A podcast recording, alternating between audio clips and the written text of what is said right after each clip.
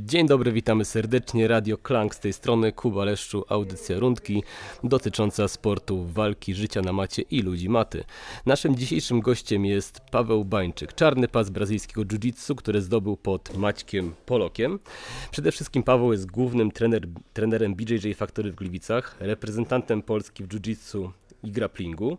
Mistrzem świata z roku 2017 w Kolumbii, wicemistrzem świata Nevasa z 2016 roku, brązowym medalistą Mistrzostw Świata 2015, wielokrotnym mistrzem Polski, wicemistrzem Polski, multimedalistą imprez krajowych, zagranicznych, m.in. Paris Open 2019 i 16, German Open w Czarnogórze, World Pro w Londynie i jest człowiekiem, bez którego naszej audycji czy rundek by nie było, ponieważ gdyby nie Paweł, prawdopodobnie bym się tak mocno w sporty walki nie wkręcił, nie zainteresował i nie posiadałbym wiedzy, żeby nagrywać naszą audycję. Pawle, witam cię serdecznie. Siemanko, siemanko, witam serdecznie wszystkich słuchaczy.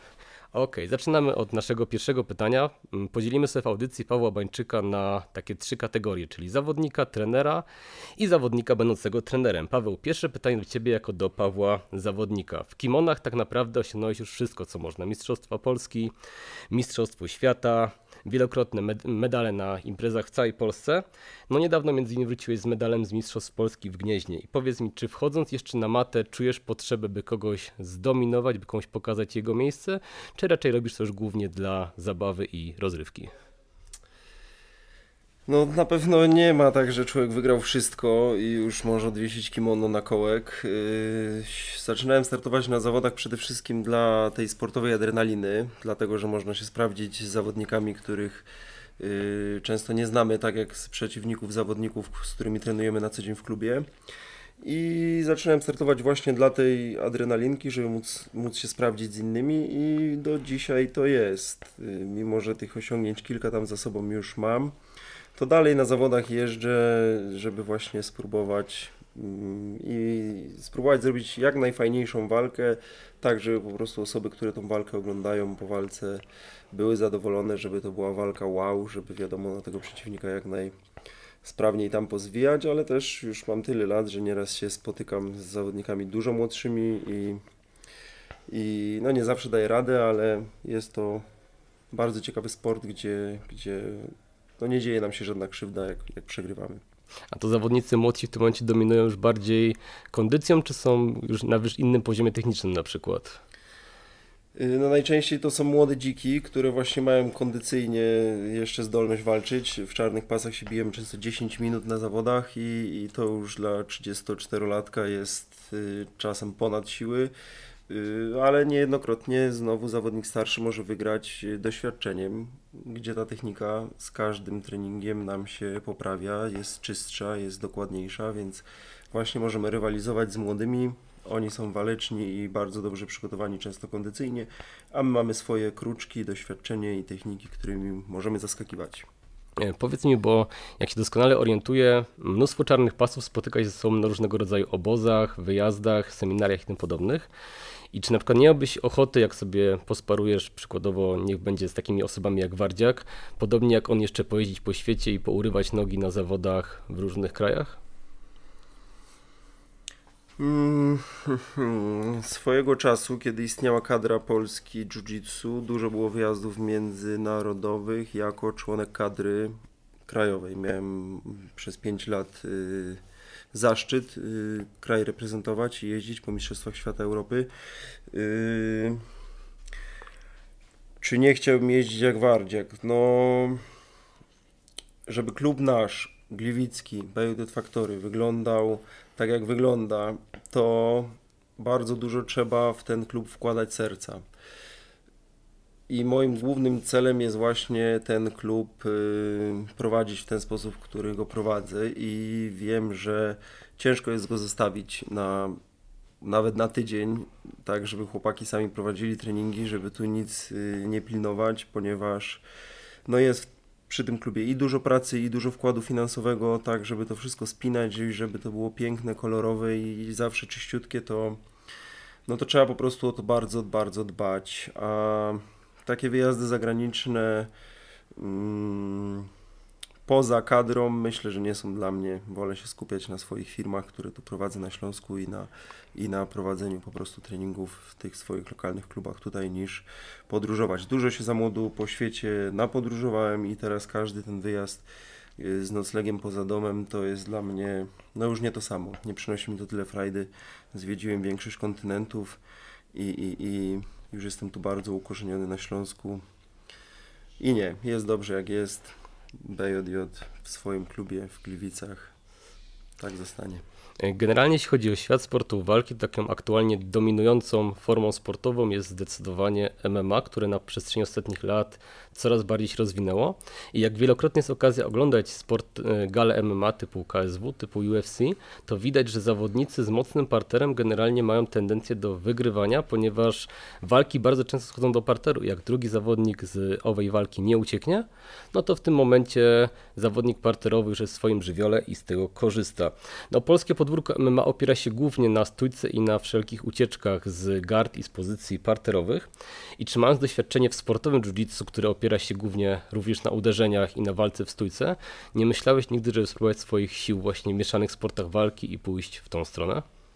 Wiele lat myślałem, pierwsze 10 lat trenowania, obiecywałem sobie, że będę gotowy na walki MMA, kiedy osiągnę brązowy pas z czterema belkami w brazylijskim jiu-jitsu. I tak trenowałem, trenowałem, po tych 10 latach yy, już miałem ten stopień i yy, wtedy właśnie podjąłem decyzję, że jednak to MMA nie jest dla mnie, ponieważ wiele lat wcześniej oglądałem jak to wygląda, trenowałem z chłopakami, którzy do tego MMA się przygotowywali, później te walki przeżywali i to też trzeba mieć charakter i być już takim typowo zawodnikiem, który to po prostu lubi. Oczywiście trenowałem stójki też kilka lat i nie jest tak, że zupełnie nie umiem uderzać, ale jest to zbyt brutalne. Walka w brazylijskim jiu-jitsu jest wspaniałą grą techniczną, gdzie można zastawiać pułapki i, i, i w te pułapki przeciwnika wabić i wykorzystywać jego siłę kontra y, przeciwko niemu. W MMA no, trzeba się nastawić na uderzanie, kopanie, y, i znowu pracować nad tymi płaszczyznami. To nie jest tak, że zawodnik brazylijskiego jiu-jitsu bierze rękawice i będzie myślał o walce w parterze. Trzeba kolejne lata Y, stójki, pracy w zapasach, pracy w kickboxingu przerobić, żeby i się poobijać i wiedzieć znowu jak się ustawiać w tej walce. Mm, też zawsze jak myślałem, czy to MMA jest dla mnie, no to miałem jakiś tam swój rząd wielkości, który można finansowo uzyskać, jakąś kwotę. I później jak już byłem zawodnikiem Y, jiu-jitsu, no to nieraz się zdarzyły jakieś oferty, ale te oferty zawsze były dziesięciokrotnie mniejsze niż to, co ja sobie zakładałem, że ci zawodnicy tam dostają w tych walkach MMA, a taka walka, no to jest rok czasu przygotowań, później sama walka, to są potężne wydatki, a nieraz taki zawodnik kończy z pękniętym oczodołem, czy w ogóle z jakimiś problemami zdrowotnymi, gdzie rok czasu później dochodzi do siebie i to nie są pieniądze, które tam włodarze oferują, żeby w takie coś grać. Ja się przyzwyczaiłem do pracy w firmie, w firmach, w których po prostu żyję, trwam i nie mógłbym pracować zawodowo, będąc poobijany albo rezygnować z tej pracy dla y, robienia 10 treningów dziennie, tak żeby uderzać, rzucać, robić zapasy i tak dalej, dalej. No wolę jednak prowadzenie, uczenie młodzieży i, i tą grę w szachy którą jest brazylijskie jiu-jitsu. Swoją karierę, jeśli chodzi o, swoją karierę, jeśli chodzi o jiu-jitsu, zaczynałeś od sportowej odmiany jiu-jitsu na studiach. Czy przed tym studyjnym jiu-jitsu były jeszcze jakieś inne sporty walki, czy po prostu jak rozpocząłeś e, sportowe jiu-jitsu, to wszedłeś w nie jako osoba sprawna fizycznie i gość, który sobie po prostu z tymi wszystkimi ruchami radził? Y, było 11 lat pływania.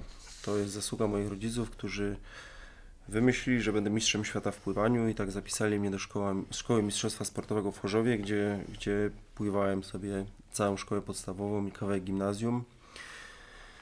Tylko, że ten sport nie był dla mnie, bardzo cierpiałem pływając od ściany do ściany w zimnej wodzie, codziennie rano, codziennie po lekcjach, ale 11 lat przepływałem, aż w końcu oznajmiłem, że koniec z pływaniem, bo już miałem tych lat 17 i, i miałem jakieś tam prawo wyboru, ale byłem sprawny fizycznie i miałem pokłady energii, które niewykorzystane na treningu zaowocowały tym, że bardzo szybko y, znalazłem jiu-jitsu. Szukałem wszystkich formy, form aktywności, rolki, rowery, aż trafiłem na Uniwersytet Śląski do trenera Pawła Wąsiela i tam właśnie poznałem sportowe jiu-jitsu, które mi się spodobało od razu. Wiedziałem, że jiu-jitsu to jest właśnie to.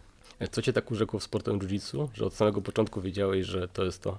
Ta rywalizacja z zawodnikiem jeden na jeden i w tej odmianie brazylijskiego jiu-jitsu ten luz w walce, który sprawia, że nie ma tych uderzeń, nie ma kopnięć, a w każdej chwili zagrożenia, kiedy przeciwnik nas złapie w jakąś dźwignię, w jakieś duszenie, krótko trzy razy klepniemy w, niego, tak żeby dać mu sygnał, że to jest koniec walki i ta walka jest przerwana y, bez żadnych y, strasznych kontuzji.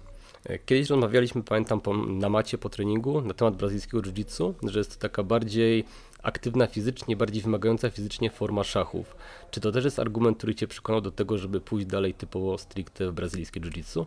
Tak, tak, to jest sformułowanie, które bardzo lubię. Jest też dużo filmików promujących brazylijskie jiu-jitsu właśnie jako gra w szachy ludzkimi ciałami i jest to bardzo dobre określenie tej sztuki walki.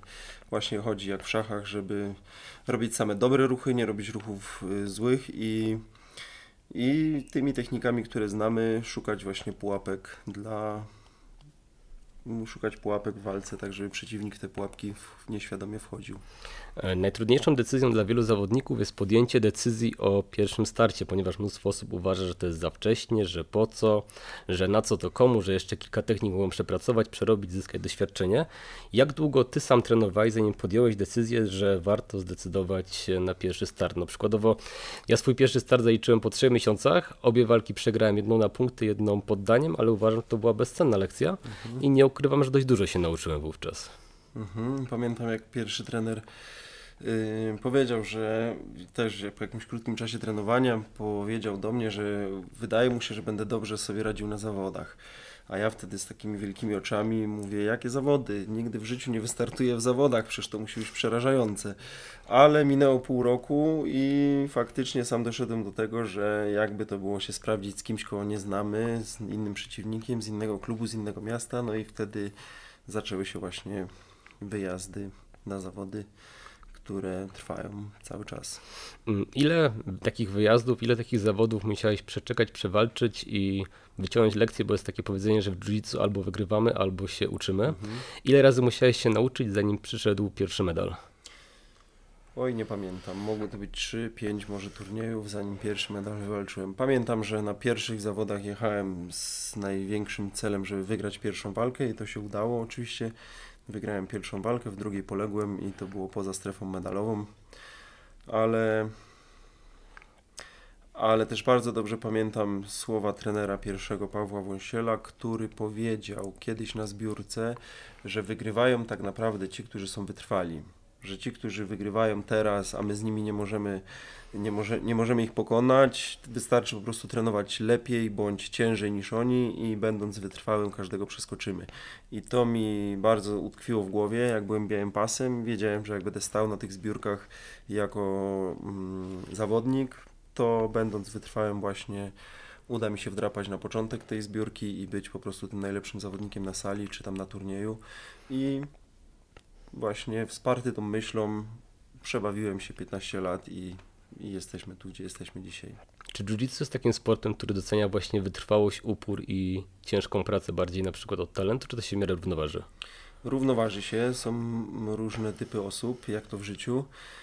Jednemu przychodzi bardzo szybko już jest wygimnastykowany, pootwierany, głowę ma poustawianą do wygrywania i przychodzi mu wszystko z łatwością, a inny jest zupełnie taki przychodzi, że po prostu trzeba nim pracować dookoła, ale jest wytrwały i nieraz ci, którzy są bardziej wytrwali, po prostu przeskoczą tych, którym wszystko przychodzi jakby z natury i, i bardzo łatwo. Powiedz mi, ile ci zajęła droga od białego pasa, od tego białego pasa, który przyszedł na pierwszy trening brazylijskiego jiu-jitsu, do czarnego pasa, którym aktualnie jesteś? 14 lat albo 13. No to jest to dłu- długi okres czasu, praktycznie jedna, aktualnie czwarta twojego, nie, czwarta, jedna druga twojego życia. No, ale to zabawa. No, nie traktuję tego jako pracę albo jakiś straszliwy wysiłek. Bardzo spodobała mi się właśnie na studiach ta forma walki, rywalizacji, gdzie my możemy usiąść tak naprawdę na ziemi, na macie, przybić sobie piątkę i grać sobie w szachy tymi nogami, próbując przechodzić swoje gardy, łapać się w pozycjach czy w poddaniach. No była to świetna zabawa i nie wyobrażam sobie nie trenować wieczorami, po prostu uwielbiam ten luz, że można przyjść, zwłaszcza kiedy mam już następców, trenerów, którzy prowadzą te treningi w moim klubie i przychodzę po prostu na matę, gdzie wciąż jestem zawodnikiem i nie muszę tego treningu prowadzić, tylko jestem uczestnikiem jak zawodnik. E, od wielu lat spędzasz czas na matach, tak sam mówisz, dla Ciebie to jest przyjemność i rozrywka, że możesz sobie wieczorem przyjść, potrenować, jeździć też po seminariach, po obozach, po spotkaniach po całej Polsce, po całym świecie. I wychodzi na to, że jiu-jitsu to nie jest tylko sport, ale również pewien styl życia, tak? Tak, możemy powiedzieć śmiało, że jiu-jitsu to droga życia i jak ktoś już wpadnie, wsiąknie, osiągnie najczęściej ten purpurowy pas, to jest taka połowa drogi i taki przystanek, checkpoint do czarnego pasa, no to często w tym czarnym pasie do tego czarnego pasu, pasa dojdzie. W moim przypadku było tak, że gdzieś na poziomie purpurowego pasa odkryłem, że mając głowę i dwie ręce i dwie nogi, człowiek jest w stanie się nauczyć wszystkiego, jeżeli nauczył się tylu już technik w brazylijskim jiu-jitsu, w sporcie, który jest bardzo trudny, bardzo skomplikowany, ale po tych sześciu latach trenowania, no człowiek się obejrzał i mówi, kurczę, już to jiu-jitsu ogarniam, jest to sport skomplikowany, trudny, to idąc tą drogą można się nauczyć w życiu absolutnie każdej pracy rękami. Wystarczy tylko znaleźć coś, co się człowiekowi podoba, i konsekwentnie to robić. Jeżeli minie 10 lat, a ty się bawisz czymś, co ci sprawia frajdę, no to po 10 latach nie sposób nie być ekspertem w danej dziedzinie i tak właśnie ta droga życia jiu-jitsu pokazała mi, że można wszystko sobie na spokojnie ogarniać, właśnie nie marnując tego czasu w życiu i no i doszedłem do obecnej sytuacji, rozwijając się nieustannie od tamtego czasu. Mm, tak jak mówisz, jiu-jitsu określasz mianem drogi życia. I teraz pytanie, jak z perspektywy czasu oceniasz to, co ten sport w Twoim życiu prywatnym zmienił, jednocześnie zmieniając dużo w życiu na macie? Bo podejrzewam, że to, że się rozwijałeś sportowo jako zawodnik, jednocześnie też wpływało na to, że rozwijałeś się i psychicznie, i mentalnie jako człowiek. Czy pozwoliłeś trochę sobie wiele spraw w głowie poukładać? Tak. Ciężko mi sobie wyobrazić, co by było z moim życiem, gdyby nie jiu-jitsu, bo no bardzo to było, bardzo ta droga była angażująca. Nie było to tak, że tylko treningi wieczorem, tylko w momencie jak się zaczęły wyjazdy kadrowe, no to już jakby całe to życie się podporządkowało pod to trenowanie. Będąc członkiem kadry, zawodnik podpisuje ministerialne oświadczenie, że jest przygotowywany do tych Mistrzostw Świata Europy i wtedy nie może jakby ryzykować w innych sportach, nie może się połamać na miesiąc przed wyjazdem gdzieś na zagranicę, jak tu są kupione bilety do Kolumbii czy Tajlandii. Także już wtedy człowiek żył tym na 100% i i bardzo się podporządkował pod te treningi, przykładał się, starał, żeby jak zawsze, jak żeby wyjechać i się tam mierzyć z tymi najlepszymi zawodnikami ze świata, żeby po prostu medal przywieźć. Czy poleciłbyś na przykład ludziom, którzy poszukują swojej życiowej drogi, spróbować tą drogę odnaleźć właśnie poprzez jiu-jitsu? Ja nie mówię o tym, że oni obowiązkowo będą musieli później walczyć o medale na matach, czy zostać mistrzami świata, czy wygrywać na jakimś ADCC, na IBJJF-ie, tylko po prostu, że sport jiu-jitsu pozwoli im się nauczyć wielu cech, które są przydatne w życiu na co dzień, na przykład systematyczności, uporu, własnej pracy, niepoddawania się, czy radzenia sobie z trudnościami. No a przy okazji wiadomo, tam odrobina ruchu i poprawa kondycji też będą pewnie prezentować. No tak, oczywiście. Do nas, do klubu cały czas przychodzą nowi zawodnicy i to nieraz yy, zaczyna trenować dzieciak siedmioletni, za chwilę jego brat dwunastoletni, a po miesiącu przychodzi jego ojciec 45-letni, bo widzi jak te dzieciaki się po dwóch miesiącach fajnie ruszają i on też chce. Jest to sport, mm, w którym bardzo rzadko występują kontuzje mimo że często używamy sformułowania walka, no to zazwyczaj na grupach początkujących jest to walka typowo w parterze, nie ma tam żadnych wysokich rzutów, obaleń, kopnięć czy uderzeń.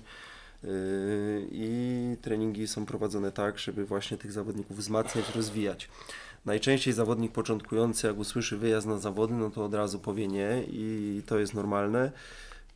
Wystarczy poczekać pół roku, rok i ten zawodnik sam zobaczy, zrozumie, że ten start na zawodach to jest coś fajnego, a nie coś strasznego. Jest to obarczone potężną adrenaliną, a tą adrenalinę w tych sportach wszystkich głównie szukamy. Trenujemy właśnie dla tej sportowej adrenaliny. W kwestii tej sportowej adrenaliny, jak i samego jiu-jitsu, jiu-jitsu jest sportem walki, nie oszukujmy się, i też uczy właśnie panowania nad adrenaliną. Czy w związku z tym trenując jiu-jitsu, powiedzmy powyżej pewnego okresu czasu, w sytuacjach kryzysowych mamy wysokie prawdopodobieństwo poradzenia sobie z drugą osobą, która będzie na przykład agresywna? Oczywiście, no jest to super sztuka walki do obrony. Ja też jestem pracownikiem ochrony i niejednokrotnie wykorzystywałem właśnie techniki jiu-jitsu, gdzie tego zawodnika, przeciwnika trzeba spacyfikować i niejednokrotnie no właśnie nie można go jakoś okaleczyć, musi zostać doprowadzony do służb w stanie nienaruszonym, więc te techniki parterowe jak najbardziej się tutaj sprawują.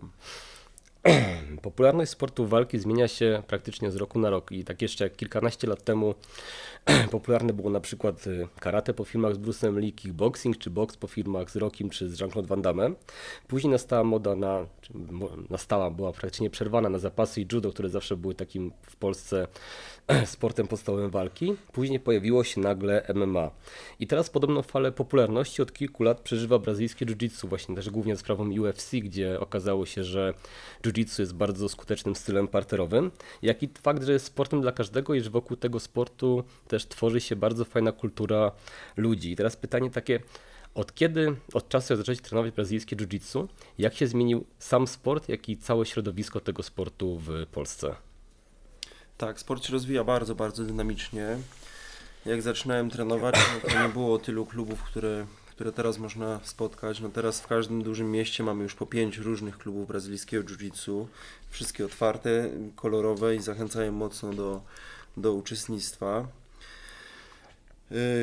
Także tu widzimy rozwój, że jak zaczynałem jiu-jitsu, to jeździliśmy do Raciborza, do Rybnika, jeździliśmy do Szczecina, żeby z tymi najmocniejszymi gdzieś tam móc posparować nie było, były dwa czarne pasy w Polsce. Jak zaczynałem trenować, obecnie jest ze 150, jak nie 200. Yy, I sam sport też się bardzo mocno zmienia. Jest to młoda sztuka walki, może 50-letnia i zupełnie innymi technikami walczyliśmy, gdy ja byłem białym pasem i to, co pokazywali kiedyś trenerzy, a zupełnie inne techniki teraz są prezentowane na, technikach, na treningach, ponieważ tamte techniki, które w, na początku mojej kariery były super najlepsze, to już młodzi zawodnicy wymyślili na nie kontry, już wymyślili zupełnie nowe ruchy, zupełnie inne wykorzystywanie kołnierzy, rękawów przeciwnika, tak żeby tą grę zmieniać. I bardzo się to rozwija i nadal będzie. Cały czas młodzi siedzą i bacznie obserwują, co pokazują starsi, doświadczeni, nieraz kręcąc głową z niezadowoleniem i wymyślając po prostu swoje inne sztuczki, techniki, żeby obchodzić te techniki, którymi walczą starzy gracze. Przejdźmy teraz do Pawła Bańczyka jako trenera. W swoim trenerskim CV masz już na ten moment sporo dość mocnych, kolorowych pasków, które, od, które odnoszą sukcesy zarówno w Polsce, jak i na świecie. Choćby wspomnimy Piotra Dudzińskiego, Wojtka Greza, Alicję Stypułowską, Julię Bohusiewicz czy Tomka Paczkę. I teraz na bieżąco śledząc sukcesy BJJ Factory z Gliwic, widzimy, że kolejne maszyny z Gliwic również zaczynają odnosić sukcesy na arenie polskiej, na arenie międzynarodowej i kolejne pokolenie mistrzowskich maszyn z Gliwic jest już praktycznie w drodze. I teraz pytanie, czy zawodnicy, którzy teraz odnoszą sukcesy, trenowali już w całkowicie innej rzeczywistości niż Twoja, czy jeszcze mieli okazję liznąć jeden i drugi świat. Ten świat, gdzie na przykład wszystkie ćwiczeniówki się jeszcze przenosiło na pendrive'ach, na płytach CD, czy sobie wzajemnie wysyłało. Tak, e, ci młodzi zawodnicy, których wspomniałeś, już, do, już seniorzy, to oni jeszcze mieli możliwość oglądać tego old school jiu-jitsu tak zwane, ponieważ jeździli ze mną po obozach, seminariach, gdzie dużo starsi ode mnie zawodnicy pokazywali te swoje najlepsze techniki i właśnie byli tymi ludźmi, którzy nieraz podważali moc tych technik i mówili, machali ręką i mówili, że a, my będziemy walczyć trochę innym stylem, bardziej otwartym, który jest nowoczesny i zjada po prostu ten stary styl, także mają te dwie szkoły, potrafią rozróżnić, co jest techniką z old school jiu-jitsu, co jest nowoczesną techniką i idą w, tym świat, idą w świat właśnie z tym nowym bagażem i będą to jiu-jitsu dalej rozwijać. Wracając do rozmów na macie, które wielokrotnie odbywaliśmy po treningach, kiedyś mówiłeś, że dzieciaki, które zaczynają trenować jiu-jitsu teraz na tym etapie powiedzmy sześciolatków, za kilka lat bardzo szybko staną się o wiele lepszymi jiu-jiteiros niż jest pokolenie ich trenerów. Czy to wynika przykładowo z tego, że w wieku 18 lat będą już mieli 12 lat doświadczenia i od samego początku byli nastawiani typowo na sport jako jiu-jitsu, czyli wszystkie wzorce ruchowe, cała pamięć ciała, całe przygotowanie motoryczne, cały trening ogólnorozwojowy nakierunkowany typowo pod jiu-jitsu? Czy może raczej z tego, że mieli trenerów, którzy potrafili więcej przekazać niż wasi trenerzy przekazywali wam? Mądrzej trenują na pewno i też czym skorupka za młodu nasiąknie. Ja zaczynałem jiu-jitsu w wieku 19 lat dopiero, a mam wielu zawodników, którzy zaczynali jiu-jitsu w wieku 6 lat. I teraz jeżeli on dotrwa do 19, no to w wieku 19 lat już będzie umiał wszystkie te techniki, które ja umiem, plus bardzo dużo technik od innych trenerów, którzy są w naszym klubie i prowadzą zajęcia i i dopiero pójdzie w świat bogaty o te wszystkie nasze techniki, a gdzie tam jeszcze te techniki, które w międzyczasie się wyklują, będą rewelacyjne. I tak jak mówisz, też lepiej trenują może ci zawodnicy. Kiedyś to tych technik było mniej prezentowanych na treningach, ponieważ yy, nie było aż tylu może opcji tej walki i pamiętam te treningi były często bardzo mocno kondycyjne, takie siłowe. Zajazd był taki, że jaka to technika by nie była pokazywana na treningu, to i tak powiedziałeś po treningu, że świetny trening, bo no nie umiałeś stać na nogach, tak, bo jest zmęczony. Dzisiaj te treningi wyglądają zupełnie inaczej, nie ma tej całej fizyczności przy rozgrzewkach i pompek, przysiadów, nie wiadomo jakich zwisów na drabinkach, tylko jest bardzo mądrze rozebrana na części pierwsze technika. Wszystkie te ruchy są pokazane jak iść, jak ten przeciwnik będzie chciał iść, kiedy my pójdziemy w tą drogę i gdzie właśnie te pułapki zastawiać. A zajazd kondycyjny jest zawsze w drugiej części treningu, gdzie mamy po prostu możliwość sparowania ze sobą. Bardzo dużo walczymy na treningach, y, różnych form walki, tak żeby potem na tych zawodach z, każdych, z każdej opresji móc y, wychodzić i wiedzieć, jak sobie radzić. Jak zaczynałem treningi, no to tak jak mówię, była rozgrzewka, którą trudno było przeżyć, a trening się kończył dwoma, trzema walkami po trzy minuty. Dzisiaj rozgrzewka trwa bardzo krótko, a walczymy godzinę zegarową bez przerwy. No w sumie taka krótka rozgrzewka zdecydowanie lepiej się chyba odnosi też do realiów między innymi zawodu, gdzie praktycznie nie ma czasu, żeby się przygotować i rozgrzać odpowiednio, tylko jest szybko, szybki, szybka informacja o tym, że musimy wejść na matę, zbieramy siłę i wchodzimy. A tak, Twoim zdaniem, ile średnio zawodnikowi potrzeba czasu z daną techniką, żeby ją opracował tak, żeby był ją w stanie wykonywać, żeby nie analizować, tylko żeby ciało już robiło pewne ruchy samo? No to z tymi rozgrzewkami jeszcze to nie jest do końca tak, bo to najczęściej młody zawodnik powie, rozgrzewka jest nam niepotrzebna, róbmy od razu technikę albo od razu się szarpmy. Ale te rozgrzewki są bardzo potrzebne, zwłaszcza początkującym graczom, którzy nie mają jeszcze tej mobilności stawów, nie mają tych mięśni często powzmacnianych i bez odpowiedniej rozgrzewki najłatwiej po prostu o kontuzję. Nasz organizm musi być silny, żeby te stawy trzymały, to musimy wzmacniać mięśnie w ich obrębie. Także te rozgrzewki są bardzo istotną formą treningu i tak samo jest na zawodach. Jeżeli zawodnik wyjdzie do walki, gdzie naprawdę pracuje całą adrenaliną, siłą i determinacją, ale się nie rozgrzał, nie przepalił się przed walką, no to ta, to, ta, to przepalenie, ta zadyszka przyjdzie w, w, pierwszej, w połowie pierwszej walki i najczęściej głowa wskutek niewydolności organizmu odpuści, powie dobra, trudno, zawodnik jest mocniejszy, szybszy. Ja bardzo lubię przed zawodami wyjść z hali, te właśnie 15-20 minut przed walką i biegać, interwały, robić przyspieszenia, tak żeby się przepalić, żeby ta zadycha wystąpiła przed pierwszą walką i żeby na tą pierwszą walkę wyjść już po, po prostu bardzo, bardzo dobrze rozgrzanym. I druga część pytania była? Była w kontekście tego, ile zawodnik musi przepracować mhm. daną technikę, okay. żeby ją opanować w takim stopniu, żeby ją wykonywać bez, bez myślenia o tym, że ją robi. Pół roku myślę, możemy spokojnie założyć. Ja zawsze jak chciałem się nauczyć jakiejś super skomplikowanej sztuczki, to brałem ją na warsztat i przez pół roku ją drillowałem, czyli spotykałem się na macie z jednym, dwoma kolegami i sobie ją ćwiczyłem. Ruch za ruch, powtarzasz, ustawiasz zegar po 3 minuty, 3 minuty ćwiczy ktoś, 3 minuty ćwiczy, ćwiczysz ty i tą technikę powtarzasz do skutku, czyli ją czyścisz. Z każdym powtórzeniem ją robisz ją szybciej, dokładniej, czyściej i po pół roku oglądasz nagranie po walce i nawet nie wiesz co się działo, bo tak wszystko szybko, poddajesz przeciwnika w jakiś sposób, oglądasz nagranie i jest ta technika zrobiona idealnie w punkt, w czas, 100% tak jak miało być. Oprócz tego, że jesteś y, trenerem i zawodnikiem, jesteś również sędzią. Czy jako sędzia na zawodach zauważ, zauważasz taką zależność, że coraz młodsi zawodnicy prezentują właśnie coraz bardziej zaawansowane techniki? Tak.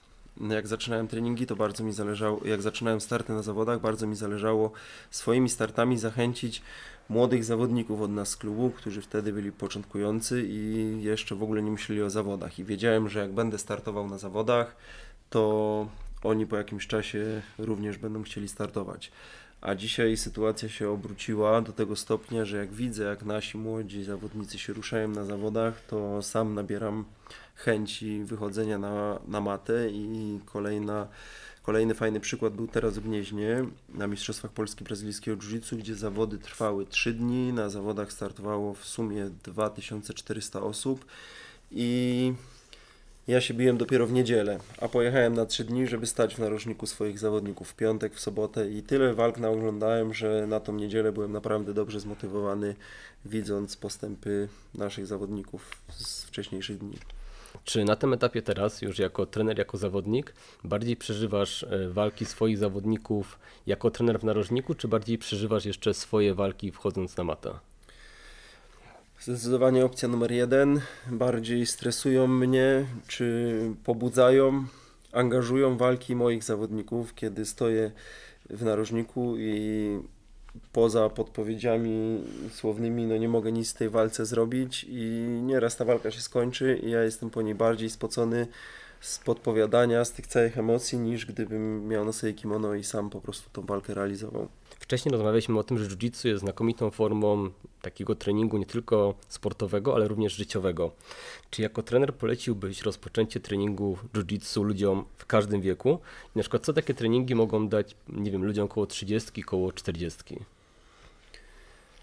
Mm, przychodzą do nas zawodnicy po 50 nawet i zaczynają przygodę ze sportami walki i są zadowoleni, realizują treningi, przygotowują się gdzieś tam nieświadomie bądź świadomie do zawodów. Na pewno się zwiększa bardzo sprawność fizyczna naszego ciała. Po pół roku już będziemy robili ćwiczenia, których wcześniej nawet sobie nie wyobrażaliśmy, że będziemy robić. Często chłopaki gubią kilogramy zupełnie nieświadomie, po prostu przychodzą na trening.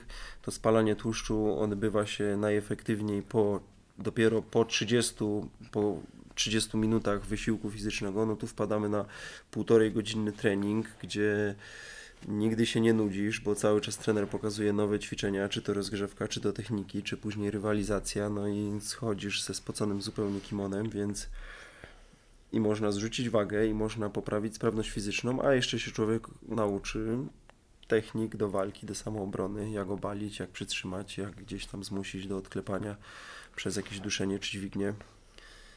Jest to dobra forma spędzania wolnego czasu, zwłaszcza u nas w klubie, gdzie pierwszy miesiąc jest za darmo, a, a dzieciaki z Gliwic w ogóle nie płacą. Zostając przy średnim wieku, czy osoby, które w średnim wieku zaczynają treningi, również powinny, czy warto im polecić weryfikowanie swojego poziomu, swoich umiejętności na startach w zawodach, czy generalnie jeśli by chciały trenować tylko hobbystycznie, to nie ma ich co do takiej rywalizacji czy pracy na adrenalinie popychać?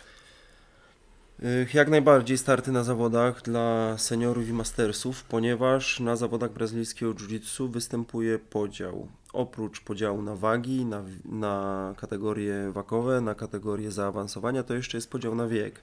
Czyli możemy startować w kategorii adult, która jest 18 do 30, ale możemy też startować w kategorii Masters 1, która jest już przedziałem 30-latków do 35 roku życia. Możemy startować w kategorii Masters 2, którą jest kategorią od 30 do 35 do 40 lat. Masters 3, Masters 4 i tak dalej do 60. Więc startując w swojej kategorii Masters na przykład 1, nie spotkam zawodnika młodszego niż 30 lat. Będę się bił z zawodnikami od 30 do 35 lat i to jest pocieszające. Mogę się oczywiście próbować, jak to jest z adultami, 18-latkami mm, się szarpać po 10 minut, ale mogę też startować ze swoimi zawodnikami w kategorii Masters jako ten 30-latek. Także jak najbardziej jest to dobra opcja do rywalizacji. Trzeba to tylko w głowie układać, ale też nad tym pracujemy, żeby ci zawodnicy, generalnie wszyscy nasi adepci mieli razem z treningami, ze sprawnością fizyczną wzrastała po prostu pewność siebie. A czy na przykład startując w Mastersach, y, nie wiem, tej grupie 30-50, ci zawodnicy mają szansę trafić tylko na ludzi o podobnym poziomie doświadczenia, czy na przykład też Mastersów, którzy trenują już dłuższy okres czasu? Y, Nie, na zawodach jiu-jitsu też y, y, na treningach jiu-jitsu wiążemy się różnymi kolorami pasów. Biały, niebieski, purpurowy, brązowy, czarny. To są kolory pasów nadawane w seniorach i na zawodach startujemy w swojej kategorii wiekowej, wagowej i w swoim, w swoim stopniu zaawansowania, czyli mając niebieski pas bije się z niebieskimi pasami, mając purpurowy z purpurowymi i tak dalej, i tak dalej. I właśnie te wy, wygrane na zawodach będą wskazywały trenerowi, że już jest czas na nadanie wyższego stopnia. Okej, połączmy teraz więc Pawła Bańczyka jako zawodnika i jako trenera. Aktualnie masz jeszcze więcej celów sportowych jako zawodnik, czy już bardziej jako trener? Y, Zdecydowanie jako trener. Zaczynając prowadzić klub gliwicki, y, jeździłem po całej Polsce, poznając wszystkie kluby, jakie się, y, wszystkie mocniejsze kluby w Polsce i moim celem było stworzyć właśnie swój klub. Świetnie.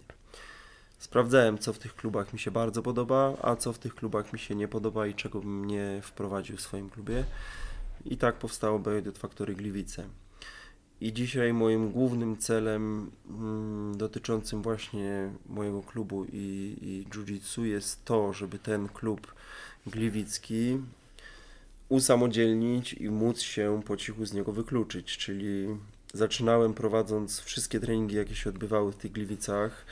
Y, Większość zawodników, którzy w nim teraz prowadzą zajęcia, to są, to są zawodnicy, którzy przyszli do mnie do grupy dziecięcej mając po 10-12 lat i uprzednio nie trenując żadnych sportów walki, a dzisiaj prowadzą treningi, są zawodnikami kadry grapplingu czy jiu-jitsu, mają na swoim koncie osiągnięcia Mistrzostw Świata i moim marzeniem jest tak ten klub zapętlić, że jakby kiedyś mnie zabrakło, to żeby to BJJ Factory nic nie straciło, żeby po prostu było pełne obłożenie grafiku, żeby byli super trenerzy dzieci, którzy wiedzą jak do tego dzieciaka podejść, tak żeby to było dla niego po prostu droga życia, żeby tego dzieciaka złapać, nie tylko za przeproszeniem wytresować rutyną totalną, tylko żeby złapać kontakt, zagadać, wiedzieć jak do tego dzieciaka podejść, żeby on się chciał otworzyć i po prostu sam na ten trening przychodzić z, z dnia na dzień i, i wtedy możemy po prostu 10 lat takiego zawodnika kształtować i oglądać jak kolejne zawody wygrywa. Generalnie nie oszukujmy się, że BJJ, brazylijskie jiu-jitsu, najprędzej sportem olimpijskim się nie stanie. Stanie się, stanie. Ma, ma to, na to szansę myślisz? Oczywiście. Nie jest zbyt podobny na przykład do judo, żeby się jeszcze zmieścić w portfelu sportu Ale sam jak sam zauważyłeś, że coraz bardziej staje się popularne i to nie tylko w Polsce, tylko na całym świecie. Większość tych zawodników, y, którzy się teraz biją w bardzo popularnych w dla młodych ludzi freak fightowych galach, to oni wszyscy gdzieś tam pomiędzy tymi galami właśnie lądują w tych klubach brazylijskiego jiu-jitsu i tam się głównie przygotowują do swoich walk. Także na całym świecie jest boom na brazylijskie jiu-jitsu i myślę, że doczekamy. Ja na to czekam bardzo mocno. Jeszcze myślę, że będę miał możliwość walczyć o ten krążek olimpijski. Do tego trenuję, także bądźmy dobrej myśli. Wszystko przed nami. Tego na pewno Ci życzymy. A względem swoich zawodników, tak patrząc na aktualną mapę zawodów, jakie masz takie e, sportowe marzenie względem ich sukcesów? Czy bardziej w, e, w kontekście walki w kimonach i pójścia w IBJJF, czy może bardziej e, zawody i starty na ADCC i zwy- zwycięstwa w tamtej kategorii, w tamtych zawodach? Zdecydowanie BJJ w kimonach mm, bardziej mi odpowiada niż walki bez kimon. Kiedyś no tak po prostu wybrałem. Wolę tą walkę ze względu na to, że walka w kimonach jest bardziej taktyczna. Tam ta walka jest taka, żeby połapać, powiązać kołnierzami, rękawami i tego przeciwnika fajnie kontrolować.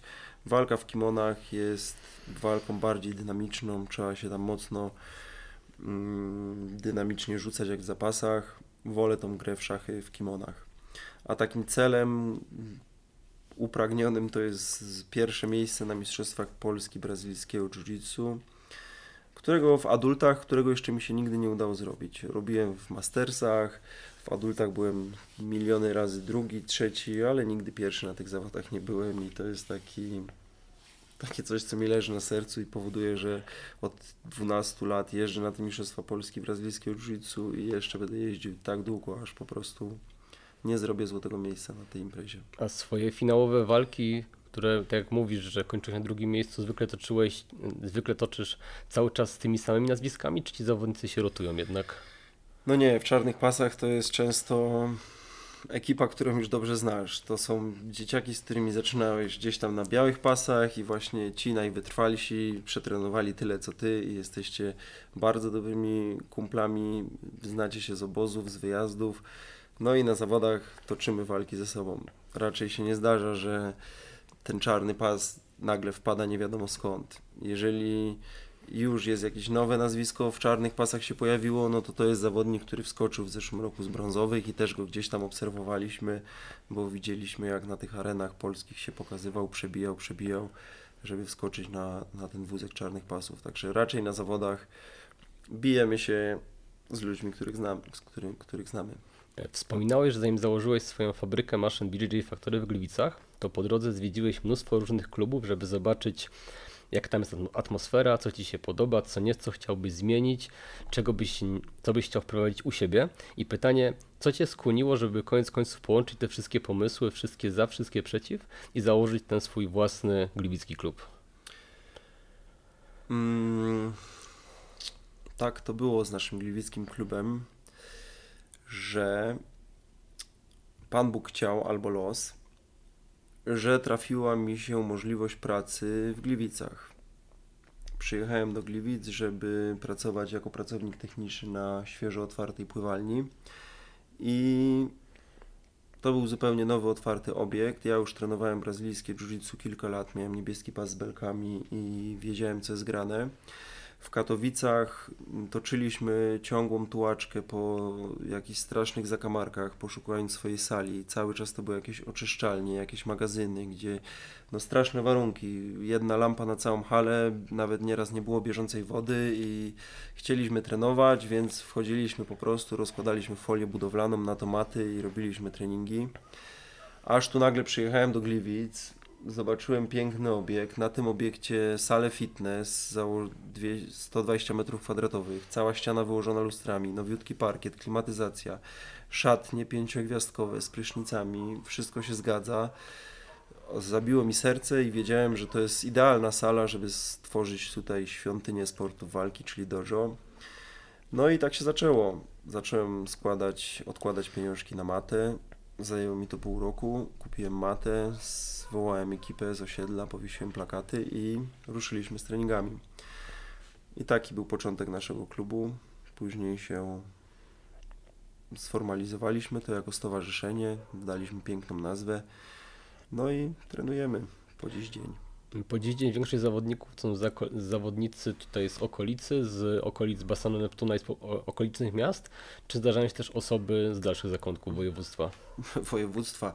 Obecnie trenują u nas zawodniczka z Brazylii Glenda, yy, trenuje u nas Vlad z Kazachstanu, Sasza z Ukrainy i trenują u nas zawodnicy z całego Śląska. No, przyjeżdżają ludzie po 50 km w jedną stronę jadą, żeby zrealizować trening i to mniej więcej połowa ludzi na naszych treningach wieczornych grupy zawodniczej to zawodnicy przyjezdni z innych miast, a druga połowa to to ci zawodnicy z Gliwic. Natomiast no, z, z, w grupach dziecięcych, no to wiadomo, że tutaj lokalnie głównie 99% no to są tutaj mieszkańcy Gliwic i okolic, zwłaszcza, że te treningi dla, dla Gliwiczan y, w wieku szkolnym mamy a zupełnie bezpłatnie.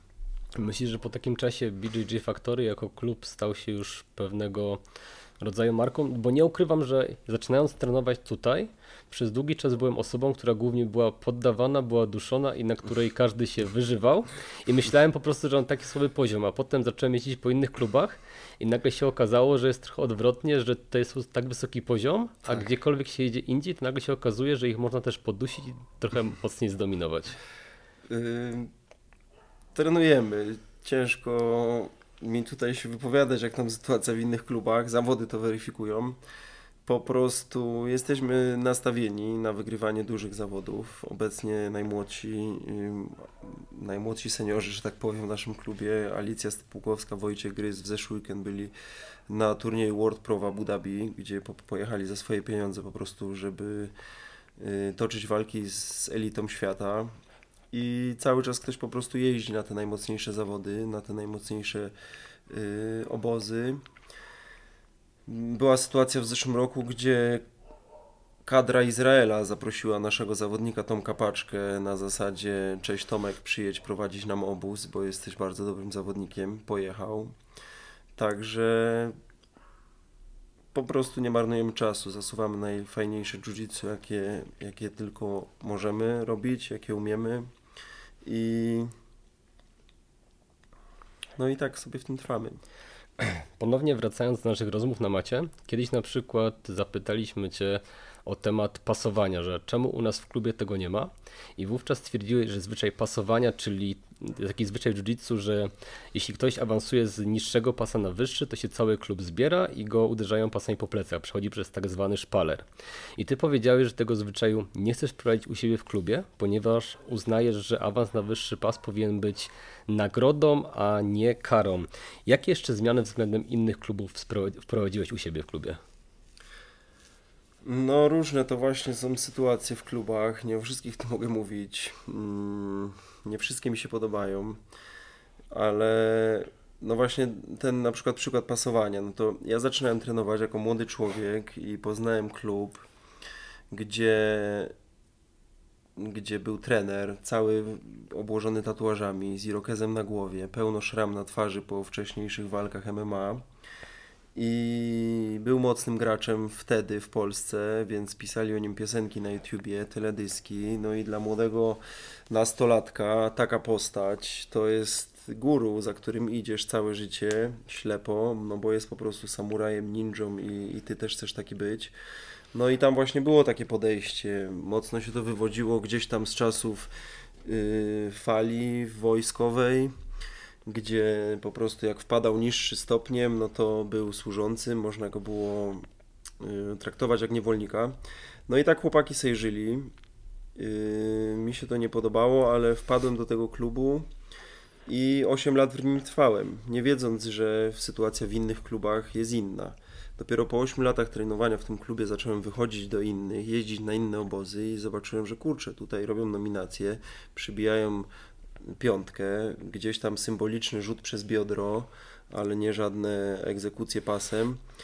I bardzo szybko się okazało, że można po ludzku. No i właśnie wtedy zaczynałem mocno zwiedzać kraj, żeby zobaczyć, jak sytuacja wygląda w różnych klubach. No i jak to w życiu. No, widzimy kluby, gdzie prowadzą to jakieś szemrane osoby, jakieś tam są.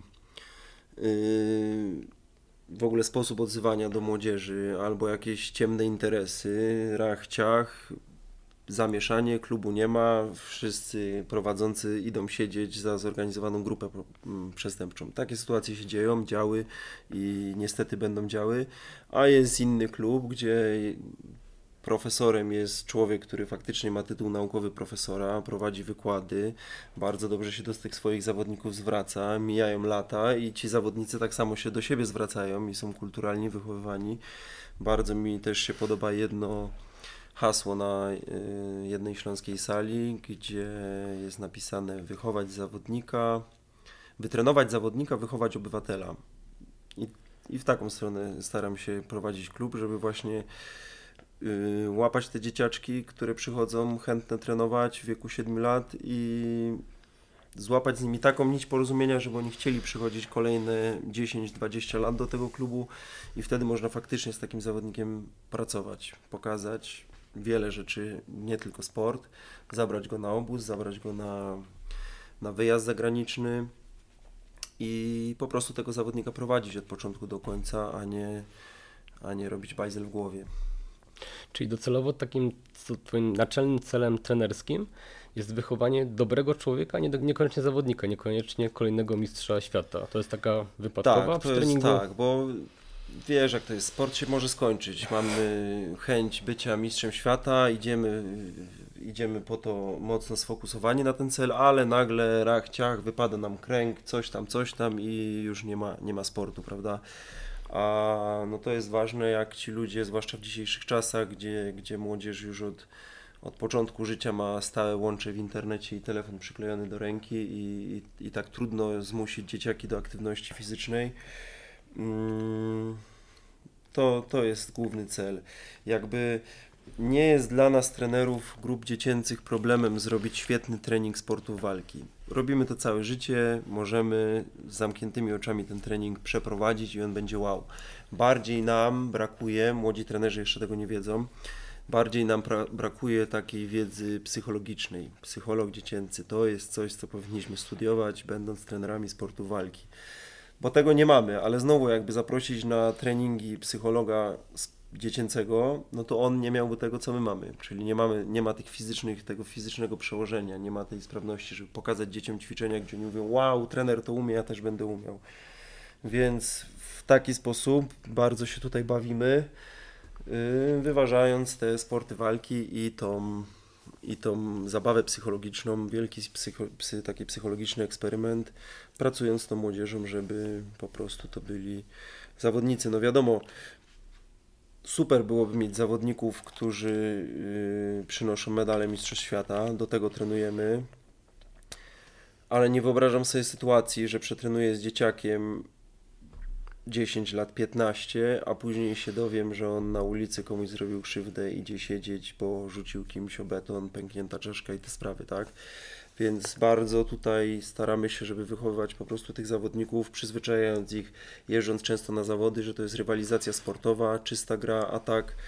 Y, często w brazylijskim jiu razem wraz z wzrostem poziomu sportowego, kiedy ty się faktycznie stajesz maszyną i potrafisz być niebezpieczny dla drugiego człowieka, to tak samo się podnosi szacunek do tego drugiego człowieka, więc ktoś, kto jest czarnym pasem w brazylijskim jiu-jitsu, nie będzie biegał po centrum miasta w nocy pijany i bił tych ludzi, tylko on raczej z tej walki trzy razy się wycofa, poprzeprasza i będzie starał się jej uniknąć, a swoje umiejętności dopiero zastosuje faktycznie w koniecznej samoobronie. Zaczynając koło, wróćmy teraz do Pawła Bańczyka jako zawodnika i porozmawiamy trochę o technikę już tak na sam koniec naszej rozmowy. Jakie techniki brazylijskiego jiu-jitsu uwielbiasz stosować i jakie są fundamentem Twojego stylu walki? To się lubi zmieniać. Jak coś mi się spodoba, biorę to na warsztat, ćwiczę to pół roku i dodaję to do swojego arsenału a młodzi zawodnicy jak Wojciech Grys, czy Piotr Dudziński, czy Tomasz Paczka cały czas wrzucają nam nowe techniki, dzięki temu nie stoimy w miejscu, tylko się rozwijamy. Ale taką moją koronną techniką jest na przykład loop choke, czyli takie proste duszenie z kołnierza, którym można mocno zaskoczyć przeciwnika i ten loop choke stosuję w takiej rozwiniętej grze, grze z tego kołnierza, czyli łapiąc wysoki kołnierz u przeciwnika na kimonie, Mam kilka swoich ataków, dokładnie pięć, które staram się wykonywać w zależności od tego, jak ten przeciwnik się ustawia. I jest mu bardzo trudno tych pięć ataków jednocześnie bronić, bo jest to taka sytuacja właśnie w szachach, byśmy powiedzieli, że jest to szach, ten przeciwnik gdzieś tam próbuje uciekać, no i mat wisi w powietrzu i często wchodzi. Teraz na Mistrzostwach Polski raz mi się udało w ten sposób przeciwnika zaskoczyć i szybko wygrać walkę, a Cztery inne walki wygrałem właśnie w konsekwencji tego lub czołka i obrony, zajmując pozycję za pleców i dusząc przeciwnika kimonem za pleców. I tak to zostanie zapamiętane. Odbijając piłeczkę, są Twoje ulubione techniki, ale pewnie masz też techniki, których nienawidzisz, jak ktoś z Tobą walczy, a Tobie mhm. używa. Jakie to są techniki, które automatycznie sprawiają, że masz osobę kogoś jak najszybciej poddać i sprowadzić na jego niższy poziom? Nie wiem, czy mogę tutaj zdradzać, bo słuchają może moi potencjalni przeciwnicy, ale no na pewno z pływania zostają mi wielkie, długie stopy, rozmiar 46 i na czarnych pasach brazylijskim jiu-jitsu można te stopy urywać, że tak powiem, bo robisz różne techniki, tak zwane skrętówki czy klucze na stopy, gdzie po prostu łapie tą stópkę i ją tak wygina, żeby ją złamać. I jeżeli przeciwnik, i tych technik bardzo nie lubię, zawsze mi mówili, nie uczy Paweł tych dźwigni na nogi, one dopiero od brązowych pasów można robić, bo w białych, w purpurowych, w niebieskich nie można stosować tych dźwigni. No i ja zawsze słuchałem trenerów i mówię, dobra, no to zacznę się uczyć tego dopiero na brązowym pasie. No jak już dostałem brązowy pas, to się okazało, że wszyscy ci zawodnicy już od niebieskich pasów ćwiczyli te dźwignie na nogi, już je mają dopracowane super, a ja cały czas z tym czekałem, bo mi trenerzy mówili, że jeszcze nie, będziesz się uczył na brązowych pasach. No i bywa, że zostawię tą nogę gdzieś tam, przeciwnik ją złapie, jest już uwięziona, ale wtedy nie ma mowy o szybkim poddaniu przeciwnika, tylko jest tak zwana obrona częstochowy, czyli przeciwnik chce ci tą nogę odczepić od reszty ciała, a ty robisz wszystko, żeby ją bronić i albo się to udaje, albo nie.